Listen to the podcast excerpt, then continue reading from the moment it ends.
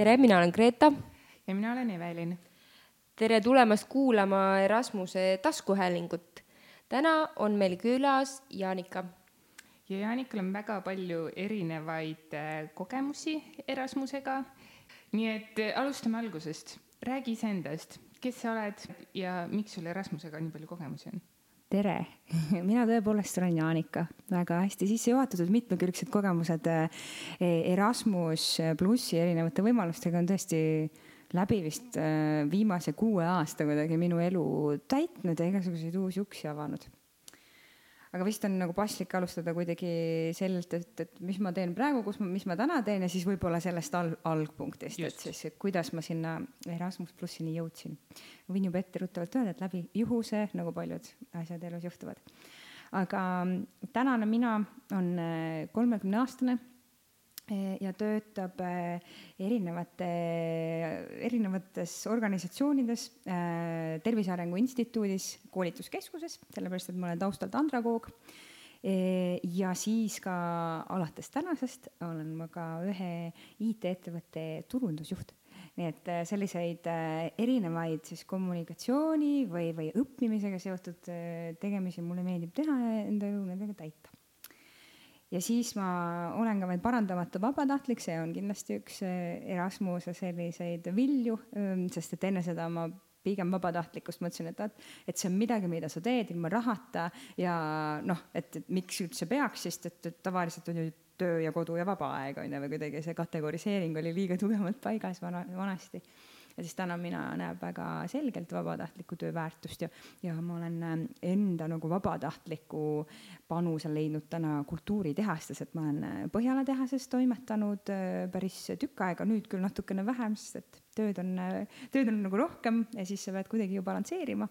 Ja siis Tartus aparaaditehases ka aitan ühe projektiga kaasa nii palju, kui oskan, nii et selline nagu linnaruumi areng ja kultuurisündmused ja erinevad sündmuskorraldused, see on ka üks suur osa minu elust.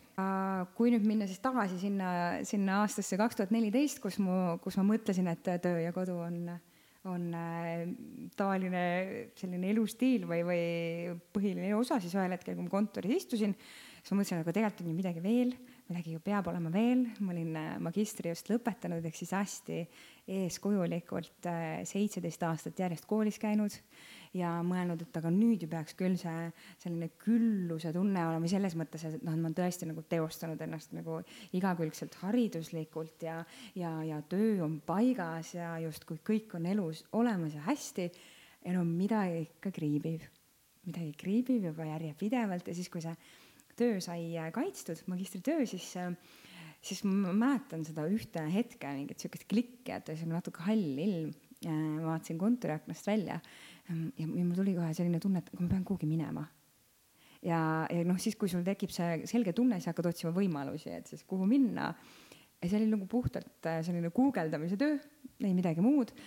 Rahvusvahelised projektid, sõbrad olid kuskil käinud, küsisin ka, aa Erasmus, Erasmusega sa saad kaugemale ka minna ja pikemaks ajaks ja nii edasi ja nii edasi.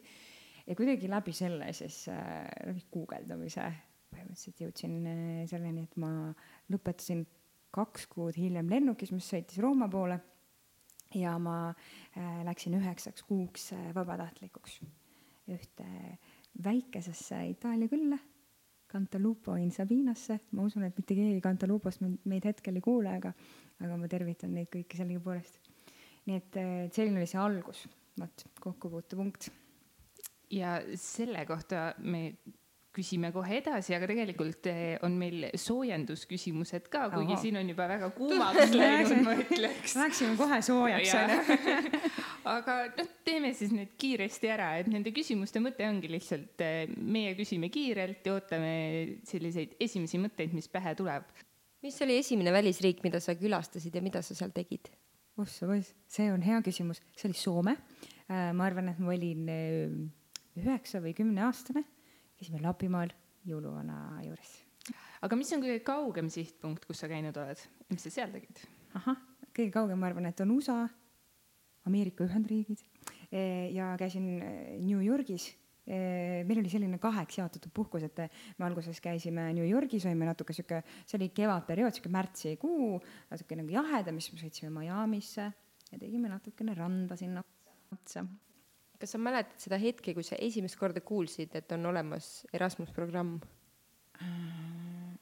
No ma arvan, et see oligi, vaata, üks on selline teadlik nagu, et ah, nüüd ma olen sellest teadlik, aga ma kindlasti nagu kuskilt märkasin, et keegi kuskil käib ja siis a la hashtag Erasmus või ma ei tea, kas sellel ajal juba olid need hashtag'id moes, aga, aga et eh, ma arvan, et see klikk oligi siis, kui ma ise guugeldasin, hakkasin otsima võimaluste kohta ja siis see vabatahtliku teenistuse või siis EVS-i teema kuidagi sealt üles hüppas aga mis oli su ähm, põhiline ootus või eelarvamus Erasmuse kohta? Ma arvan, et see oli pigem seotud mingite isiklike hirmudega, mis siis kandusid üle eelarvamusteks, onju.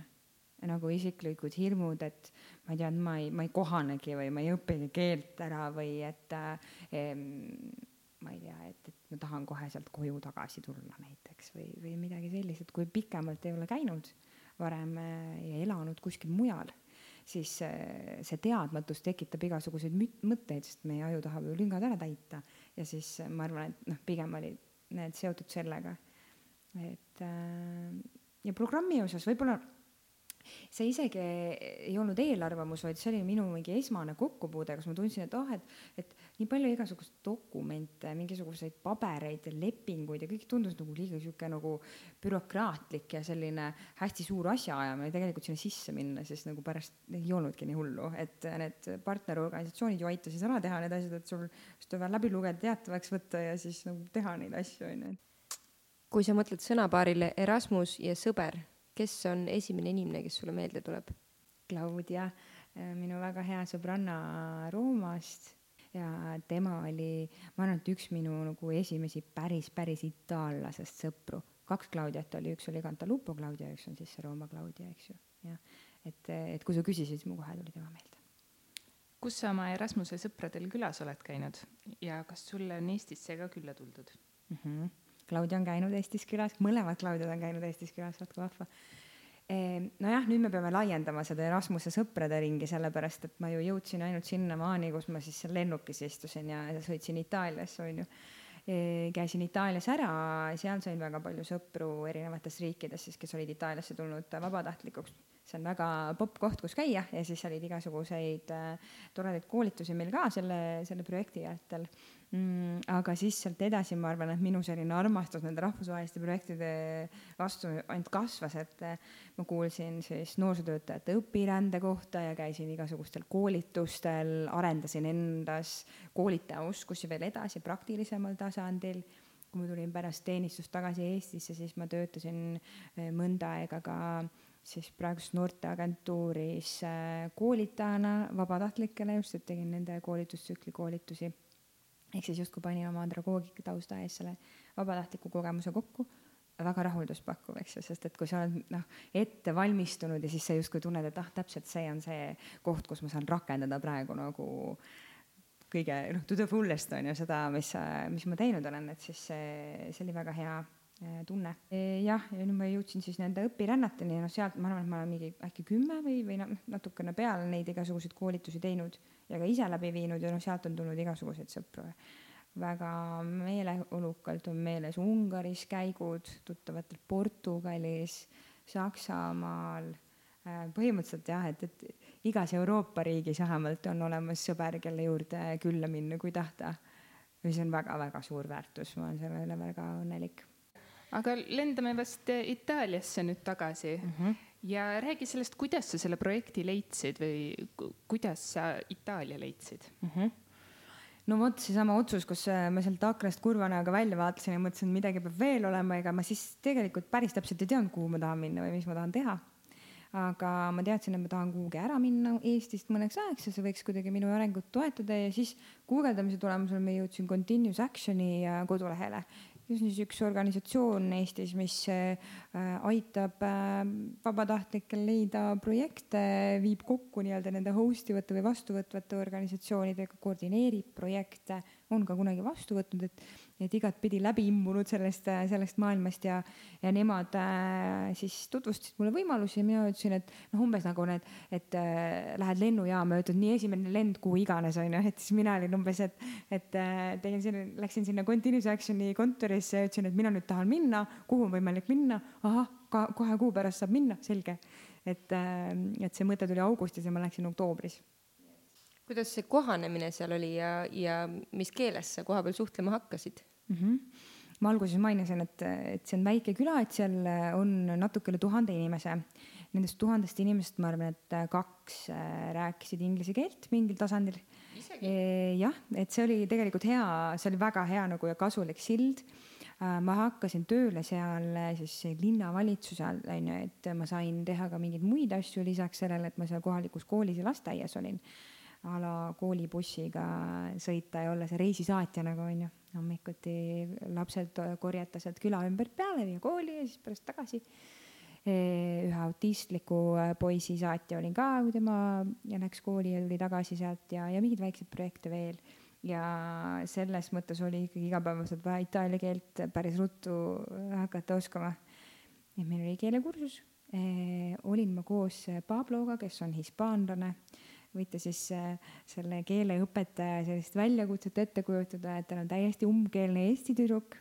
Ja siis on äh, siis Hispaania poiss, kes äh, tegelikkuses, kellel on nagu noh, eesti ja soome keel on ikkagi päris lihtne õppida, nii et vaene Pablo vahepeal ikka pidi, pidi igavlema nagu, kui ma seal puristasin uno, duue, tre, aga, aga lõpuks oli see seda nagu huvitav see, et ähm, kui tulla täitsa null keeletaustaga siis ühel hetkel, eh, kuna on vähem segajaid sarnaste sõnade suhtes, et siis eh, lõpuks ma mingis osas isegi rääkisin grammatiliselt korrektsemalt kui Pablo, sellepärast et temal hakkas seda hispaania keelt natukene sisse sinna tulema uuesti, onju.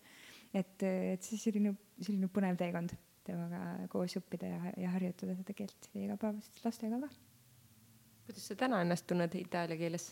Mm, ma arvan, et väga hästi. Äh, ma olen ikka Claudia ja teistega nagu praktiseerinud, et eks see natuke roostes on ikka, et kui, kui Rooma minna, siis esimesed äh, kohvid tellid niimoodi maru, maru hamblilt ja vaikselt ja siis äh, saad juba jutule kellegiga baaris ja, ja kui seda kunsti vallata, et kuidas inimestega kontakti saada, siis keele, keelerooste kulub ruttu ära räägi mõni meeldejäävam kogemus sellest ähm, vabatahtliku teenistuse ajast no neid kogemusi, ma arvan, et oli väga palju eh, meeldejäävamad neist. ma mäletan eh, sellist asja, et eh, see ei ole kogemus, oli üks interaktsioon ühe inimesega, millest ma õppisin nagu hästi palju.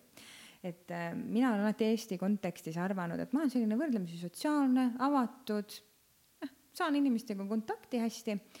Ja mainisime seal kollases koolibussis istusin, siis ma istusin seal bussijuht Giuseppe kõrval igapäevaselt ja no natuke ikka hommikul üritad rääkida, on ju, buongiorno, kuidas läinud ja nii edasi, tulid lapsed juba ja, ja kuidagi see nagu vestlus siis katkes ja, ja pärast äh, pärast päevi siis, kui, kui koolipäev lõppes, siis ma ikka alati taamalt hüüdsin, et, et bonasera ja ilusat õhtut ja näeme homme ja ühel hetkel siis Giuseppe võttis äh, julguse kokku ja ütles, et Jaanika, ma tahan sult midagi küsida. noh, siis oli juba, me olime paar kuud nagu sõitnud selle bussiga koos, et läheduse tase oli juba selline, et võiks nagu selliseid asju avaldada.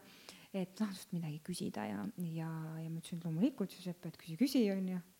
et ja ta küsis, et kas sina oledki see külm ja karge Põhjamaa neid, kellest räägitakse, et, et kes on, et ta kasutas veel külma südamega või siis donne di ghiaccio ehk siis nagu jäine naine. mille peale mina, noh, te võite ette kujutada minu dissonantsi iseenda nagu pildis, et oota, ei, mis asja, mina olen ju jumala soe ja avatud, aga lihtsalt see, see viis, kuidas me oleme soojad ja avatud erinevates kultuuriruumides on täiesti erinev ja siis ma küsisin, et näed, loomulikult ma olin väga uudishimulik, et miks sul selline mulje on jäänud, et ma ei ole küll tahtnud seda kuidagimoodi tekitada, onju. ja siis ta ütles, et aga tead, et noh, et minu jaoks on see täiesti nagu huvitav, et alati, kui me näeme, mitte siis, kui me siin nüüd koolibussis sõidame, vaid mingil muul ajal, näiteks kui sa lähed koolist koju, siis sa ainult taamalt kaugelt lehvitad ja sa ei tule mu juurde kunagi, et noh, et kuidas päev läks või, või ma ei tea, kuidas vanaemal läheb või mis iganes, et, et tema jaoks lihtsalt see oli nii harjumuspärane viis, kuidas kohalikud suhtlesid, et ikka, kui sa näed kedagi tuttavat, sa lähed ja ütled, isegi kui sul on kiire, sa lähed tema juurde ja sa vähemalt korra tšekid, et kuidas läheb. kauge lehvitamine tegelikult tekitas äh, temast tunde, et ma olen sihuke jäine ja külm ja ma arvan, et see oli selline asi, kus mina sain nagu sellise, sellise täiesti uue vaatenurga nagu iseendale ja võib-olla sellele, kuidas äh, inimesed mind tajuvad erinevates kohtades. kas sa muutsid ka oma käitumist pärast seda? kusjuures muutsin ja päris teadlikult muutsin, sellepärast et see andis mulle ju mingi konkreetse indikatsiooni, kuidas inimesed mind võivad tajuda ja mida nad võivad oodata minult, et kui ma tahan ikkagi näida soe ja olla kaasatud kogukonda, eks ju, et siis kui ma jätkan sealt kaugelt lehvitamist, see võib-olla ei ole nagu kõige parem strateegia no ja lõpuks siis oli niimoodi, et, et ma arvan, selle üheksanda kuu lõpuks, et noh, et kui te kujutate ette, see väikene küla, kus on üks tänav, seal on kaks baari, üks kirik, üks kool ja üks pood, siis seda, seda ühte tänavat, seda peatänavat, ma arvan, et ma hommikul julgelt mingi nelikümmend viis minutit kõndisin. et selline kahesaja meetrine tänav on ju, mhm. sellepärast et korra käisin sealt läbi ja siis keegi hüüdis Jaani, tule siia ja siis ma läksin sinna, need lõpp, lõpud lõikavad ära ja siis ma olin Jaani neil ja siis eh, lapsed tulid ja jutustama ja nii ta, niimoodi, nii ta läks ja, ja ma teadsin, et seal on okei okay jääda hiljaks, sellepärast et ma tegin kellegagi kohvi natuke kauem, onju. või et, et seal on, on kuidagi vaja hästi palju panustada selleks, et äh, inimestega suhteid hoida ja luua või tähendab, luua ja hoida siis onju. et ma arvan, et see oli see, mis ma võtsin kindlasti kaasa Eestisse tagasi tulles, mis on hästi palju aidanud kas sa oled Eestisse tagasi tulles ka tundnud nii-öelda vastupidist. Mm, -hmm. et, et nüüd sa oled kuidagi nagu olnud liiga itaallane või, või liiga nii-öelda, liiga soe ja liiga avatud. Mm.. seda ma tundsin siis, kui ma vahetult, kui ma tulin tagasi Itaaliast, üks väga konkreetne näide oli see, et no üheksa kuuga võib-olla äh, harjusin liigagi ära sellise põsemusidega, aga siis, kui ma tulin tagasi Itaaliast, ma hakkasin oma sõp-, sõpru, sõbrannasid tervitama nagu automaatselt selle, nagu pöörasin põse ette kohe, nüüd ma hakkan nagu noh, musutama, onju. ja see oli küll, ma mäletan mitut hetke, kus inimesed olid kergelt segaduses, sellepärast et noh, et lähedasematega sa ikkagi kallistud, kaugematega, ma ei tea, surud kätt või, või lihtsalt tervitad, onju, aga see minu kuidagi automaatne komme musitama kippu, kippuda oli pigem neile nagu võõras ja siis nende reaktsioonist ma nagu sain aru, et ah, ma pean ikkagi nagu siin muutuma, onju, et, et see lihtsalt tuli lõpuks nii automaatselt ja kindlasti oli mingi periood, kus äh, sa said aru, et vau, et, et mul ei saa olla enam niisuguseid, võib-olla ma ei tea, käitumismaneere või harjumusi või mingeid selliseid asju, ma ei saa neid nii lihtsasti siin rakendada enam, sellepärast et, et siin lihtsalt need, need asjad toimivad natuke teistmoodi ja siis harjud uuesti tagasi, aga võtad ikkagi kaasa mingisuguse, mingisuguse asja, mis sa siis saad uuesti integreerida meie süsteemi, onju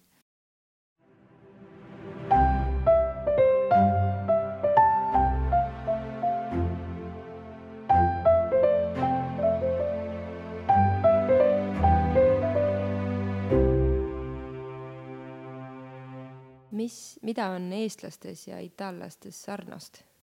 ma arvan, et noh, meil on kõigil inimestel, eks ju, põhilised baasilised ähm, vajadused, äh, ma ei tea, vajadus sõpruse ja läheduse, vajadus äh, olla tunnustatud, vajadus äh, teha olulisi asju, luua muutust, elada head elu.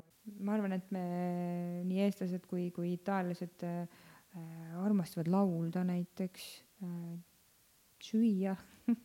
Ma arvan, et eestlastena me võiksime õppida rohkem nagu nendelt seda, seda traditsioonilist ühe laua taga kokkutulemist, sest et see aitab selle, selle ühendatuse ja, ja, ja läheduse vajaduse nagu rahuldamisele väga palju kaasa, et. selle pika laua asjaga ma lihtsalt, ma ei saaks rohkem nõus olla, minu elus oli selline hipiperiood võib-olla natukene, kus ma ei elanud küll Itaalias, ma elasin uues maailmas Tallinnas ja seal oli selline, selline komme küll minul ja minu tolleaegsetel sõpradel tulla noh, vähemalt korra nädalas pika laua taha kokku ja süüa kõik koos mm. -hmm.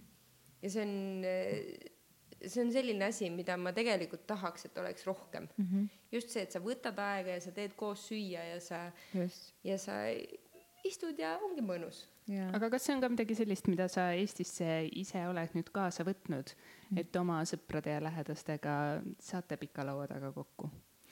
mul, mulle kindlasti, ma, ma olen teadlikumalt hakanud kujundama selliseid või looma selliseid momente, kus inimesed saavad kokku tulla ja, ja seltskonda nautida. Itaalias oli täiesti nagu ükskõik, et tulid suured perekonnad kokku mäletan ühte, ühe perekonna sellist lõunat, nad tegid iga aasta sellise nagu Serenade perekonna lõunasöögi. no tegelikult ma ütleks, et lõunasöögist oli asi kaugel, see oli täielik nagu söögiorgia, seal oli vast kaheksa käiku, äh, kuus tundi. me lihtsalt veeresime siis seal Pabloga nagu ära, et see oli Claudias, meie sõbranna äh, siis äh, perekonna lõunasöök onju ja ka seal küll keegi ei mõelnud selle peale, et, et, kas need ikka omavahel, kuidas nemad ikka klapivad sinna ühe laua taha ja kõik tulevad kutsutud. ja nii on, on ju, et see, ma arvan, et see mentaliteet, et, et, et luua võimalusi, inimesed ise valivad siis, on ju. aga mis veel Itaaliast oled niimoodi kaasa endale võtnud või? ja, ja tegelikult ma võtsin sealt kaasa äriidee ehk siis, et kui ma tulin tagasi Itaaliast, siis me tegime sõbrannaga oma tänavatoidu vaguni Scoop ja, ja meie eesmärk oligi pakkuda tervislikku tänavatoitu ja mõte sai konkreetselt alguse Itaalias, sellepärast et ühel hetkel, kui ma enam pitsat süüa ei saanud, sest ma läksin tohutult punniliseks ja halb oli olla, siis ma palusin pitsapoistele, et kuulge, et aga teil on need kattekomponendid kõik seal nagu kenasti seal laotatud külmkappi, et kas te mulle salatit ei teeks sellest?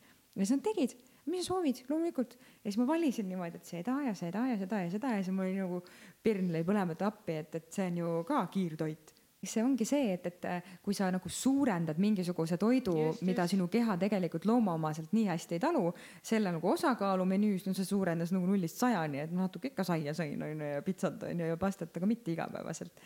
et siis sa saad nagu väga selge märgi, et mis sulle sobib ja mis mitte. kusjuures Scoop on käinud Archimedese suvepäevadel süüa pakkumas mm -hmm. ühe korra. mina ise olin ka seal ja no,. mina olin ka ja see oli kusjuures üks esimesi kordi, kui me, kui me üldse väljas käisime, me olime just äsja saanud valmis selle vaguni ja siis pakkusimegi, tegime erinevaid üritusi, tegime pulmasid ja väga lahe, väga lahe teekond oli.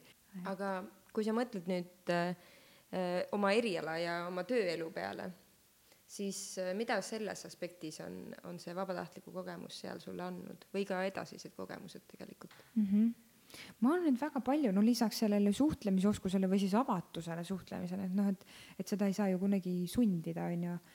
Ehm, ta on kindlasti andnud mulle rahvusvahelist koostöökogemust ja just seda, et noh, täna, kui ma töötan ma enne mainisin, et ühes IT-ettevõttes seal on hästi palju, saab olema rahvusvahelise rahvusvahelisel skeenel siis koostööd, et see tuleb palju lihtsamini ja, ja ka see, et, et ma seal saan juba rakendada sellist kultuuridevahelise õppimise temaatikat ja see, et kuidas me mõtestame või aitame mõtestada inimestel kultuurilisi erinevusi, eriti neil, kes ei ole võib-olla käinud ära, sest et kõigil ei, ei, see ei peagi olema kõigi idee ja see ei peagi olema kõigile loomuomane, aga need viljad siis nendelt, kes on käinud, võikski olla ju see, et, et aidata teistel kuidagi aru saada paremini erinevustest on ju, need rikastavad. ja jah, koolitaja, koolitajapagas on küll saanud väga palju täiendust.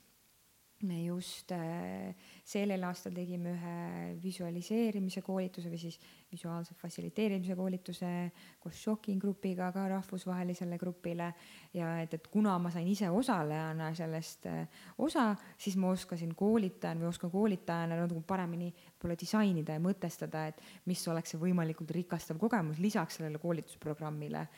nii et, et hästi jah, palju, väga viljakas on, kui ma nüüd mõtlema hakkan, jah. Kas sa sellele oled ka mõelnud, et mis sinust endast sinna Itaaliasse jäi? ma tahaks loota, et äh, see, selle väikese küla äh, inimesed võib-olla ka hakkasid natukene mõtestama seda, et, et me olemegi erinevad, me käitumegi erinevalt ja me tundume erinevad, on ju, ja ja võib-olla need asjad, mida nemad näevad nendes väljapoolt tulnud inimestes, mis võib-olla on kummalised, et sellel on tegelikult mingisugune lugu seal taga, et nad ja teisalt äh, ma loodan, et need lapsed, kellega ma toimetasin ja, ja tegutsesin, et nemad äh, võib-olla said ka äkki, lapsed ja noored, et nemad said ka äkki mingisuguse sellise väikese nagu seemnekese, et oo, et tegelikult võiks ka minna kuhugi mujale ja teha midagi, et nad alati nagu ammuli suvi kuulasin neid jutte, et geograafiatunnis ma näitasin, kust ma tulen, nagu Euroopa kaart oli seina peal onju aa, et kus sa elad siis seal selle äh, jõuluvana lähedal, mis on suht lähedal küll, no natuke on ikka vaja sõita sinna, aga aa. ja siis nii armas, kuidas üks, üks tüdruk, kui ma tulin jõuluvaheajalt äh, tagasi siis jaanuaris äh, sinna Itaaliasse ja läksin kooli ja, ja siis ma mäletan, et see üks väike tüdruk, kui nädala või seal vahetunnis mängisime, siis ta küsis, et kuule, et, et kus sa selle huulepulga said, et mul oli selline huulepalsam oli kaasas, kus sa selle said? ütlesin, et Eestist poest ostsin kas teil on seal poed ka? siis ma hakkasin uurima, et miks, kust selline küsimus, et kas meil on poed ka ja siis ta tõsimeeli mõtles, et näed, talle jäi meelde, et, et jõuluvanale suhteliselt lähedal, piltide pealt on nagu paistavad, et on iglud ja lumevallid on ju, et kas sinna nagu iglude vahele mõni pood ka on ära eksinud on ju, et. kuidas see Eestisse tagasi tulemine oli, et kas, kas jätsid tükikese endast Itaaliasse? ma kindlasti, ma mitu tükki jätsin, ma arvan, et ikka täitsa mingi sealt kujunes mingisugune uus mina.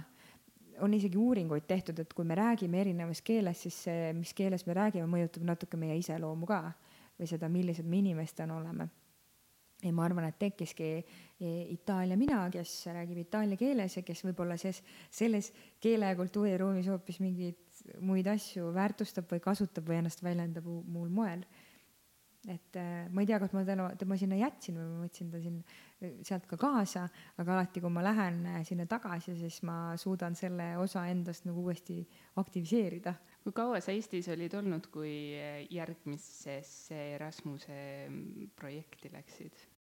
ma arvan, et, et paar kuud, jah, see oligi paar kuud ja siis ma läksin juba Itaaliasse tagasi, sest mul oli natukene igatsus. see projekt oli Põhja-Itaalias ja see oli seotud siis äh, koolituste tegemis-, ehk siis jällegi, et see kuidagi loogiliselt viis sinna, mis ma edasi tegema hakkasin. ja viis, viis uuesti Itaaliasse, ma mäletan, et see oli nii soe tunne uuesti sinna tagasi minna ja saada nagu justkui aru kõigest ja siis mulle alati meeldis kuidagi praktiseerida nende Itaalia osalejatega rääkida ja. kui sa peaksid kedagi veenma Erasmusesse minema, millist lugu sa kasutaksid selle jaoks? no veenmisel on ju kõige olulisem äh, püüda aru saada selle inimese oma motivatsiooni, nende oma miks'i on ju, et ma alustaks sealt võib-olla hoopis. et ma ei hakkaks nagu müügiargumentidega pihta, et sa saad seda ja seda ja seda, vaid ma alustaks nende oma miks'ist ja siis püüaks aru saada, et kas või kuidas äh, need projektid saaksid äh, tema miksile kaasa aidata, miks on siis see missioon või, või, või mingisugune eesmärk, suurem soov ja, ja siis ma tavaliselt kasutan sellist ajarännaku harjutust, et ma eh, palun mõelda tulevikku, palun mõelda, ma ei tea, istud kiiktoolis, oled kaheksakümmend viis, et eh, ja noh mida vanemaks me saada, saame, seda rohkem me hakkamegi ju oma, oma, seda, seda nimetatakse nostalgiaks või heietamiseks, on ju, et me hakkame kuidagi oma vanu aegu meelde tuletama ja selles on mingisugune tohutu nauding, kui seal on palju lugusid, mida meenutada või, või palju nüansse või mingeid palju pilte tuleb sulle silmade ette erinevatest kohtadest, kus sa oled käinud või erinevatest inimest, kes, inimestest, keda sa oled kohanud või, või asjadest, mida sa oled ära teinud et siis ma palukski võib-olla nagu mõelda sellele hetkele ja siis küsiks, et millist, millist filmi sa tahad näha oma silmade ees, kui sa hakkad nostalgitsema. kolm sõna, mis on Erasmus? seiklus, loomine või looming, selle kõige paremas mõttes, sa ju lood ise oma, oma projekti täpselt nii initsiatiivikas, kui, kui sa oled, selline, seda nägu see tuleb. ja, ja võib-olla transformatiivne või selline nagu jah, muutusele suunav. kas on mingi inimtüüp, kes eh, saab erasmuslane olla? ma arvan, et, et küsimus on see, et kas on üldse mingit inimtüüpi, kes nagu ei saaks olla, et eh, kui sa otsustad, et sa saad olla, siis ükskõik millise tüübiga inimene sa oled või tüpaaž on ju, et, et siis, siis, siis sa saad mida sa soovitaksid neile inimestele, kes ei ole veel käinud, aga plaanivad minna? no oleneb, kus maal see plaan on. kas see on nagu väga sellises rohelises järgus, siis ma soovitaksin mitte järgi anda ja selle noh, ikkagi kaasa minna selle oma tuksuva tundega, et, et kuhugi tahaks minna ja mitte seda ära matta, et ai, ikka tuli ikka päris hea tööpakkumine või et ei ikka tegelikult praegu vist ei ole õige hetk ja mõnikord ei ole inimestel isegi põhjendust on ju, et miks ei ole, aga lihtsalt noh, see hirm natuke nagu hakkab seal siis pesa tegema. aga kellel on juba konkreetne plaan, siis ma soovitan kuulata oma intuitsiooni nii projekti valimise osas kindlasti ju tehakse erinevaid intervjuusid, kui me räägime vabatahtlikust teenistusest, on ju. et ikkagi nagu kaaluda ja mõelda ja, ja, ja tunnetada neid inimesi, kellega koos tööd hakkad tegema ja, ja mõelda ka sellele, et milline projekt tõesti võiks nagu sinu tulevikule parimal viisil teed sillutada. aga kas sulle tundub ka, et, et nüüd midagi jääb kriipima, kui me praegu siinkohal lõpetame, kas sulle tundub, et meil on midagi, mis on küsimata? ma arvan, et siia lõppu võib-olla olekski paslik öelda seda, et, et kahetsed sa ainult neid võimalusi, mis sa kasutamata jätad. et kui sul mingisugune asi tekitab õige tunde ja seesama see intuitsioon sind juhendab ja, ja suunab, siis eh, jumala eest, mine püüa, püüa see tunne kinni ja, ja tee sellega midagi. Tagasi vaadates saad sa ainult ühe värvilise loo oma sinna kiiktooli silmade ette. aitäh sulle! aitäh! aitäh